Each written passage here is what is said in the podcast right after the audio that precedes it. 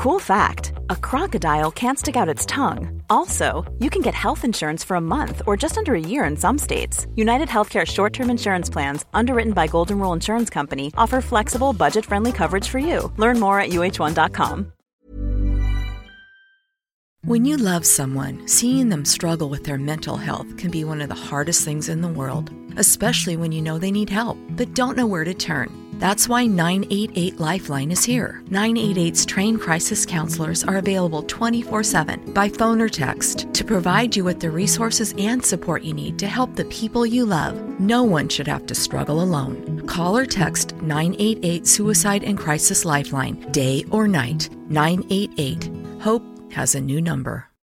Dit programma wordt mede mogelijk gemaakt door Toto. Ongelooflijk knappe foto van je in een Feyenoord-shirt is de, de foto die bij jouw Wikipedia profiel Nee, ik heb die niet zelf. Nee, sterker nog, ik heb hem wel een keer geprobeerd te veranderen. Omdat ik heel veel haatmailtjes kreeg. Van jij bent die kut Feyenoord en kut kakkelak. dus ik heb hem geprobeerd te veranderen. Ja. Maar juist vanaf nu, maar het lukte me En niet. eentje in je blote bas, maar daar stond alweer die fijne tattoo. Beste vertegenwoordigers van de media. Niet schrikken.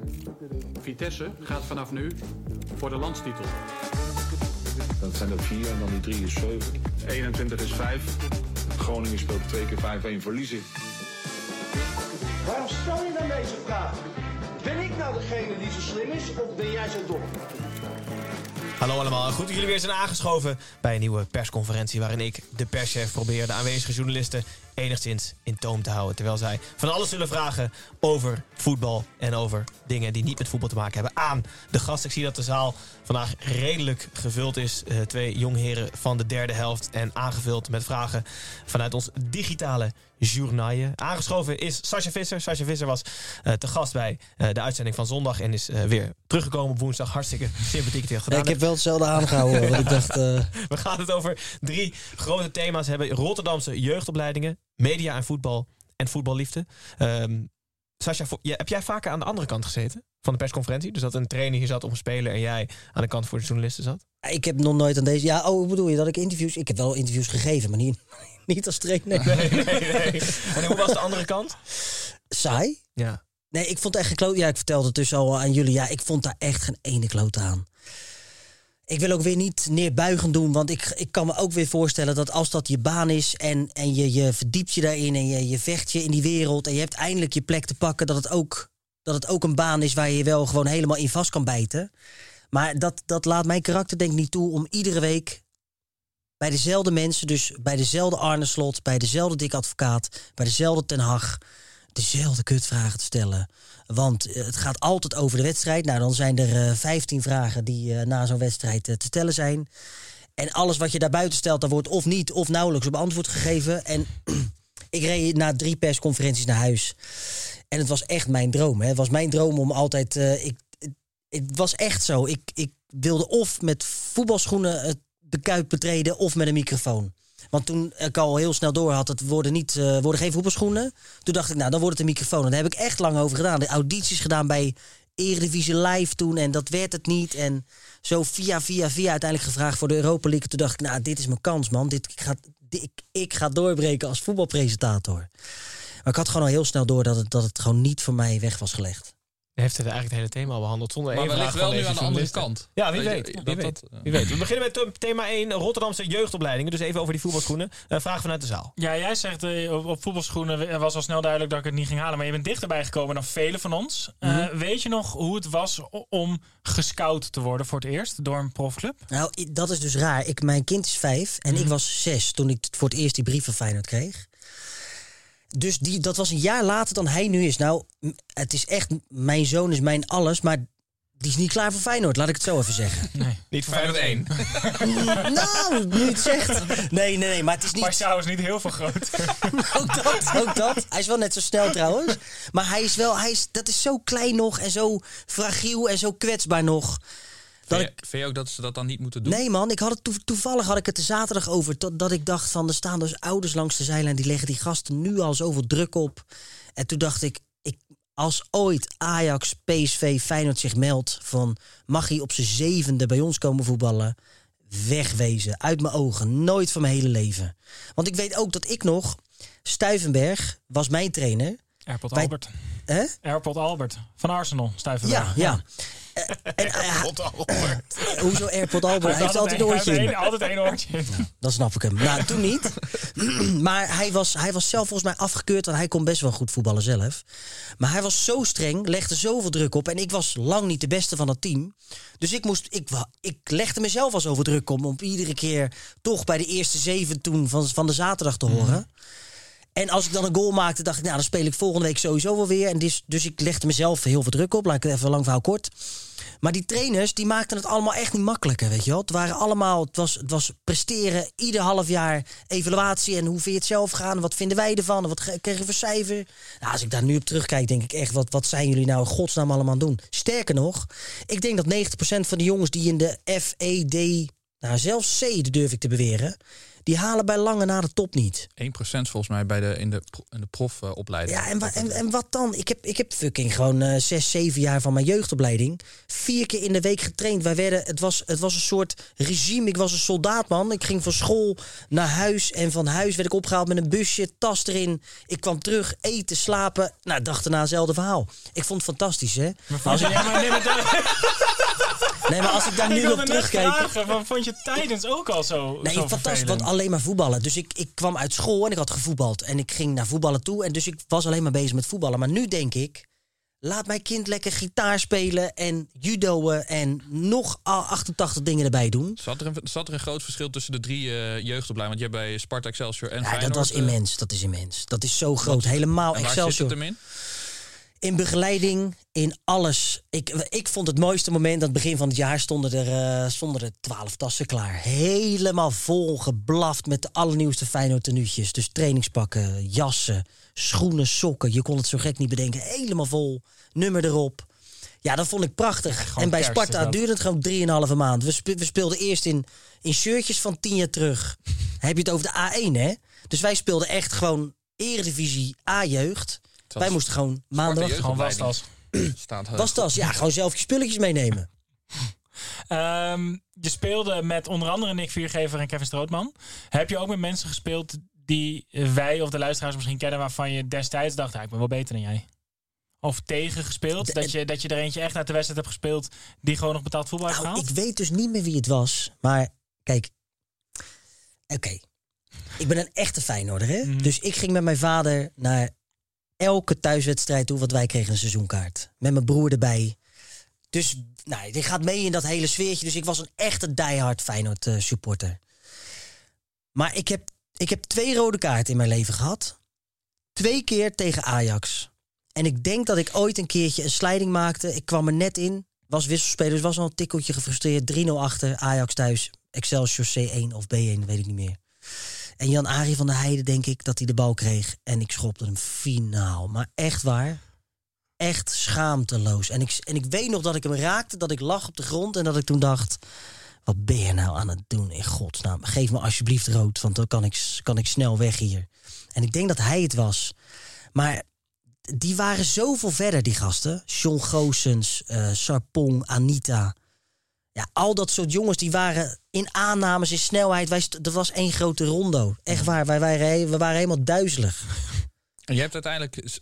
Klopt dat je zelf besloten hebt om te stoppen ermee? Of was het... eh, Nou, ik, kijk, ik speelde toen bij Sparta in de A1. Toen startte ik de voorbereiding. En toen dacht ik al wel, er zijn er twee die echt heel goed zijn. En ik, ik, ik deed toen al heel veel televisiewerk. En ik, ik koos toen bewust voor voetbal. Van nu zeg ik alle audities die ik deed af. Want in die tijd waren er gewoon wij, was er nog niet echt zo'n Instagram, Facebook ding. Was alleen hives. En jonge jongens op televisie die al een beetje ervaring hadden, die waren er amper. Abeltje, geloof ik. Dus ik werd heel veel gevraagd voor films, voor dingen. En ik, zei, ik zegde alles af, omdat ik dacht, dan word ik weer afgeleid... en dan ga ik misschien weer kiezen voor iets terwijl ik nu denk, focus. Dus school erop afgestemd, alles erop. Maar na drie maanden kwam ik heb het volgens mij bij jullie ook wel eens verteld... een Australische stagiair, die was nog kleiner dan ik was... maar die ging een luchtduel aan en ik brak mijn neus. Maar ik dacht ook echt, wat, wat, wat dacht jij zelf toen je er in de lucht hing? Wat dacht je zelf? Finaal mijn neus, maar die stond helemaal zo tweedubbel scheef. Ik naar het ziekenhuis. En ik weet nog dat ik met mijn vader het ziekenhuis uitliep. En dat ik dacht, en ik zei het ook tegen mijn vader. Als ik nou nog een keer gevraagd word voor een auditie, dan moet ik het gewoon weer gaan doen. Want dit wordt hem niet. En toen opende ik mijn telefoon weer, want die stond uit omdat ik in het ziekenhuis was geweest. En toen eh, had ik een voicemail bericht en dat was onderweg naar morgen. En dat ben ik toen gaan doen. En toen dacht ik ook van, nou, fuck dat hele kut voetbal maar. Ja. Heb je wel je eigen Wikipedia-foto uitgekozen?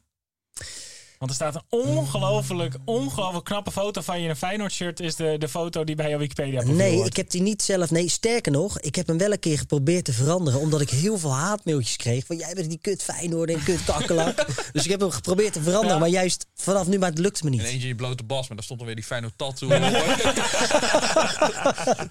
Eh, we sluiten dit onderwerp af met een vraag van een van onze volgers, Alas.Suliman. Die wil weten of je spijt hebt van bepaalde keuzes of dingen in je voetbalcarrière.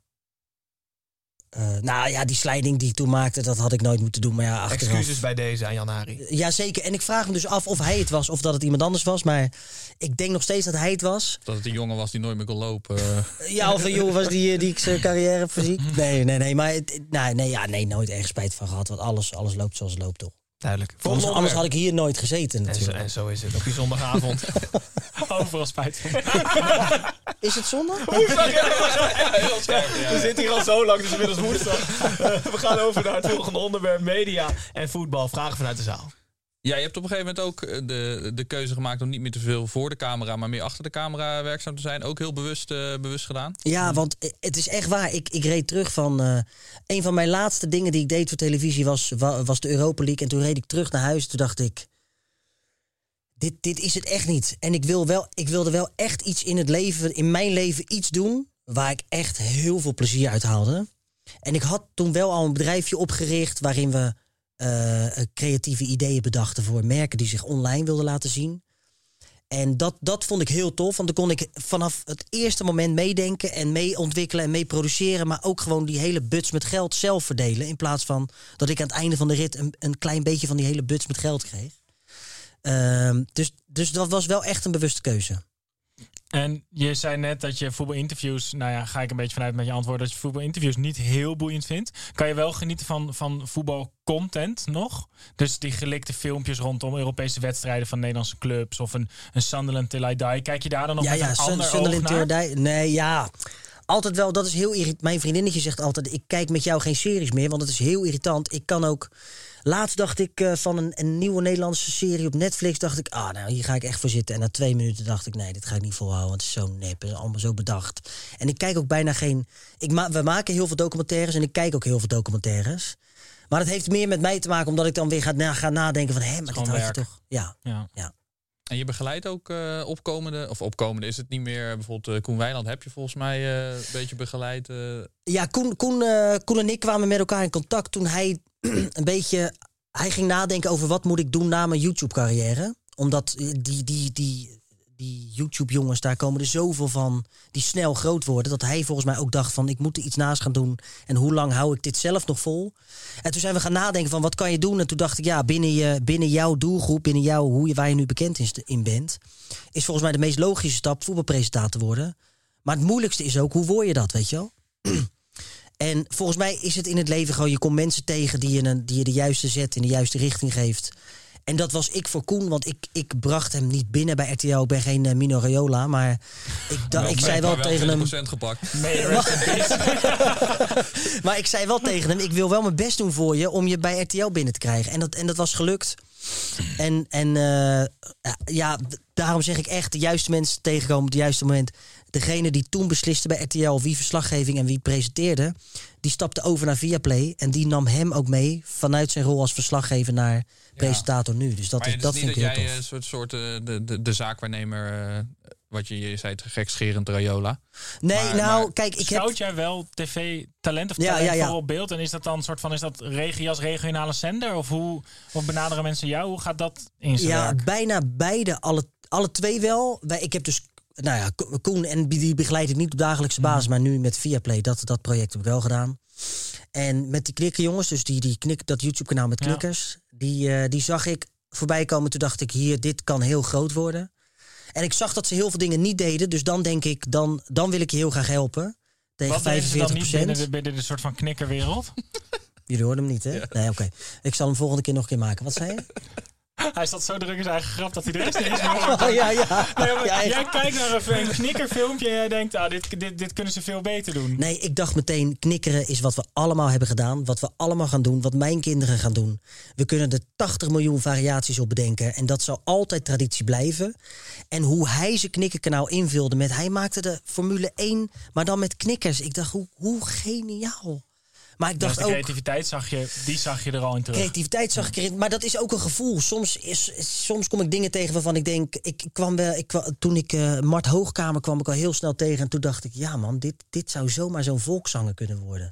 en toen zag ik hem twee jaar later op het strand zitten met, het, met dat nummer. En toen dacht ik, nou, dit moet zijn doorbraak zijn. En nu is die. Dit wordt gewoon een nieuwe eh, volkszanger. Ja. En echt niet, ik, ik bedoel echt niet dat ik eh, in de jury bij Idols had moeten zitten. Maar soms kom ik wel eens mensen tegen waarvan ik denk.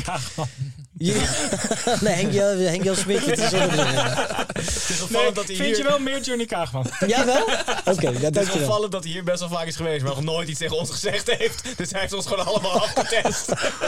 Hartstikke goed. We sluiten dit onderwerp af met een vraag van onze eh, digitale journaliste Barry Burry Berry. eh, die zegt, eh, je doet veel werk, eh, je werkt veel met video, maar dat- wat vind je eigenlijk van de VAR? Eh, nou, het blijft nog steeds gewoon eh, heel subjectief. Want zoals vandaag... Of nee, was het Zondag, gisteren? hè? Nee, zondag. Sorry, zoals, geleden. nou, maar vandaag speelt de Europa League, toch?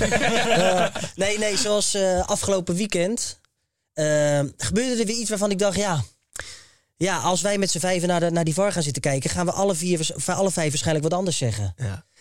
Ik, ja, ik vind het... Tuurlijk, ik ben blij dat het er is, want het wordt allemaal nog eerlijker. Maar ik kan me ook voorstellen, die, die, die grens die zo lang erover doet... voordat hij zijn vlag omhoog steekt. Dat is ook frustrerend. Het haalt het tempo uit de wedstrijd. En juist de tempo in zo'n wedstrijd kan zo'n hele wedstrijd bepalen. Ja. Dus dat, is, eh, dat vind ik wel heel... Het is toch eh, ook een beetje, zolang de regels subjectief blijven, blijft het scheidsrechtersvak subjectief. Het is zoals bij hockey, een shoot is gewoon shoot. Het is niet of die van, van jezelf komt, van de tegenstander, Ja, of dat die aangeraakt achterlangs is of gewoon voorlangs. aangeraakt. Gewoon als hij op je voet komt, is het gewoon shoot. Ja. En bij voetbal is natuurlijk heel veel nog subjectief. Dus is het inschatten, komt hij via een schouder op de arm? Ja. Komt hij uit Ja, de ja. kluts op Ja. de arm? Is het een schot op goal op de arm? Zolang die regels zo blijven, kunnen we ook niet verwachten dat... Ik hoop echt dat dit een keer gebeurt bij een persconferentie van Louis van Gaal. Dat gewoon Nou, Valentijn, Valentijn Driessen doet dit elke keer bij Louis van Gaal. Dus je kan kijken. Ja. Heel goed. Eh sluiten we af met het laatste thema. Het laatste thema is, zoals wel vaker, eh, voetballiefde. Vraag Ja. vanuit de zaal. Daar, daar hebben we altijd de vraag even, wie was je op het schoolplein vroeger? Ja, maar hij was zichzelf. Want op zijn zesde Ja. speelde hij op een Feyenoord. Nee, ik was niet mezelf gek. Nee, het- Ik ben zoals je wist. De rest ook allemaal. ik weet eigenlijk niet wie ik was. Wie is- Wie is je grote jeugdheld in het voetbal? Ja, dat is het dus. Feyenoord heeft eigenlijk nooit echte helden. Dus als ik toch... Ja, Kieprits, ja. Sorry man. Dat is niet mijn held. Ik was niet, ik niet was niet Kieprits. Koemelijn toen je het, eh, het schoolplein op kwam lopen. Nee. Tak, tak en nee. Hardy hebben ze het ook gehad? Takinardi? Hij was ook over Daric, ja, dus die heeft sowieso geen kijk op. Ja. Ja, ik zit te denken wie er wie er in toen de tijd... Nee. Ik was nooit... Ja, dan was ik altijd eh, gewoon Maradona of zo. Ja, ook. Ja. Ook goed antwoord. Ja, nou, prima, prima prima, antwoord. prima voetballer. Ja. Ehm, even kijken hoor. Je mag een oud Oranje speler terughalen uit zijn voetbalpensioen om voor Oranje op het WK uit te komen. Wie kies je? De, Dennis Bergkamp. Dat is goed, Daar want die was ik altijd hoop- op het schoolplein. Daar hoopte ik al op. Ja. Gewoon Ja? op dat antwoord hoop. Ja, ik hoop dat. Nou, hij gaat het Er, niet er doen. denk bestaat toch geen... Bergkamp. Bergkamp, hij gaat het niet doen. Ik ga je nog sterker vertellen. Ik was ooit ambassadeur voor de Cruijff Foundation. Die hebben ieder jaar een, een toernooitje waarin de sponsors het opnemen tegen de ambassadeurs. Bergkamp is ambassadeur. Nee. Jawel. Dus ik hoorde dat een dag van tevoren en toen dacht ik... Dit gaat gebeuren. Deze man gaat naar mij een bal spelen morgen. En ik ga naar hem spelen. En hij gaat maar ik ga hem assist geven. en het lukte maar niet, jongen. En ik probeer iedere keer zo. En dus wij werden opgesplitst in twee je teams. Het, het kwam ook uiteindelijk echt dat je op het veld stond Ja, het kwam uit. Dus, dus wij speelden een team, team van zes. Maar de eerste twee wedstrijden zat ik niet bij hem. Dus toen zei ik nog tegen de Cruijff Foundation... eh, eff- mij even één keer bij Dennis zetten. En dat gebeurde. En, En toen lukte het me de niet. Foundation, mij één keer bij Sascha. Nee, maar hij zei, doe me niet bij waarschijnlijk. maar wat gebeurt er in de finale? Krijg ik een bal. Maar ja, je moet het zo zien. Zij dekken natuurlijk allemaal Dennis Bergkamp. En de rest loopt allemaal vrij. maar ik krijg een bal op mijn eigen helft. En ik denk, er kunnen er nog 17 vrij staan, maar deze bal gaat 1000% naar Dennis. En Dennis werd helemaal omringd door verdedigers. Maar ik denk, het is maar één manier, is een hoge bal. en hij kopte hem erin. Maar echt als een klein kind. Zo blij was ik van, ik, ga, Oh, maar ik dat- ga mijn vader bellen zo. En dan ga ik zeggen, pa, het is me toch gelukt. ik heb Dennis Bergkamp een assist gegeven. Heel hard juichen, helemaal naar Bergkamp toe. Ja, ja, ja, ja, ja, wat de fuck doe jij? Het staat CV, hè? Heel goed. Eh, sluiten we de persconferentie af met één en dezelfde vraag eh, aan de gast. Wat is uw ideale derde helft? Dus in dit geval ehm, heb jij net eh, Mart Hoogkamer ges gescout. Je hebt hem helemaal groot gemaakt. En het gaat perfect met die jongen. Wat doe jij? Oh nee, maar wacht even. Ik heb hem niet... Ik heb hem, hij kent mij niet eens, hè? Hypothetisch. Ja, hypothetisch. ja, zo. Mijn, wacht, no- maar dan nog Jouw vraag? derde helft. Dus je hebt, iets, je hebt net iets in je, op, op jouw werkgebied iets echt fantastisch gedaan. Alles ging top. Documentaire serie, super, ja. die is in première gegaan. Oh nee, als we iets hebben verkocht. vieren. Dus een verkocht is eigenlijk eh, echt het idee hebben bedacht, Ja. gepitcht. En nou, er komt budget vrij, dan ja. gaat er altijd een fles champagne open. Ja? Ja. Alleen? Of met, met nee, dan neem ik mijn vriendinnetje mee uit eten. En dan gaat er altijd een eh fles champagne of iets moois open. Goed. Uitstekend. Ja, mijn Heel leven vieren toch? Ja. Ja, ja, zo is het. Heel goed. Maar wat, wacht even, heel gedegen. Dat is, ik vind het wel eh, decadent. Ja, ja, nee, we hebben ook wel, ja, kijk. Nee, maar je moet je voorstellen, wij, wij openen stad, eh, iedere ging dag een fles in. champagne. Hè? Ja, oké, ja. Ontbijt, lunch, brunch. Met zo'n groot, met zo'n grote za- zaagmes, weet je wel, zo'n pak. zo'n Ja, jullie, kurk. jullie hebben Unibet. En wij hebben Moet. Ja, zo, zo is het, ja. Goed jongens, persconferentie afgelopen. Eh Sascha, dankjewel dat je weer terug bent gekomen op woensdag. Ondanks eh, met frisse tegenzin, maar ik vind het hartstikke leuk dat je er was. Eh, journalisten, dankjewel. Eh digitale kijkers, luisteraars, volgers, dankjewel voor het insturen van de vragen, kijken en luisteren. En zoals jullie inmiddels weten, wellicht kan je elke dag weer een land luisteren in aanloop naar het WK, want het begint nu echt bijna. Dus ga dat doen. Sascha, het is nu drie dagen later. Wat is jouw favoriet tot nu toe? Mexico, toch? We sluiten hem af jongens. Tot zondag of een van de andere dagen. Dag.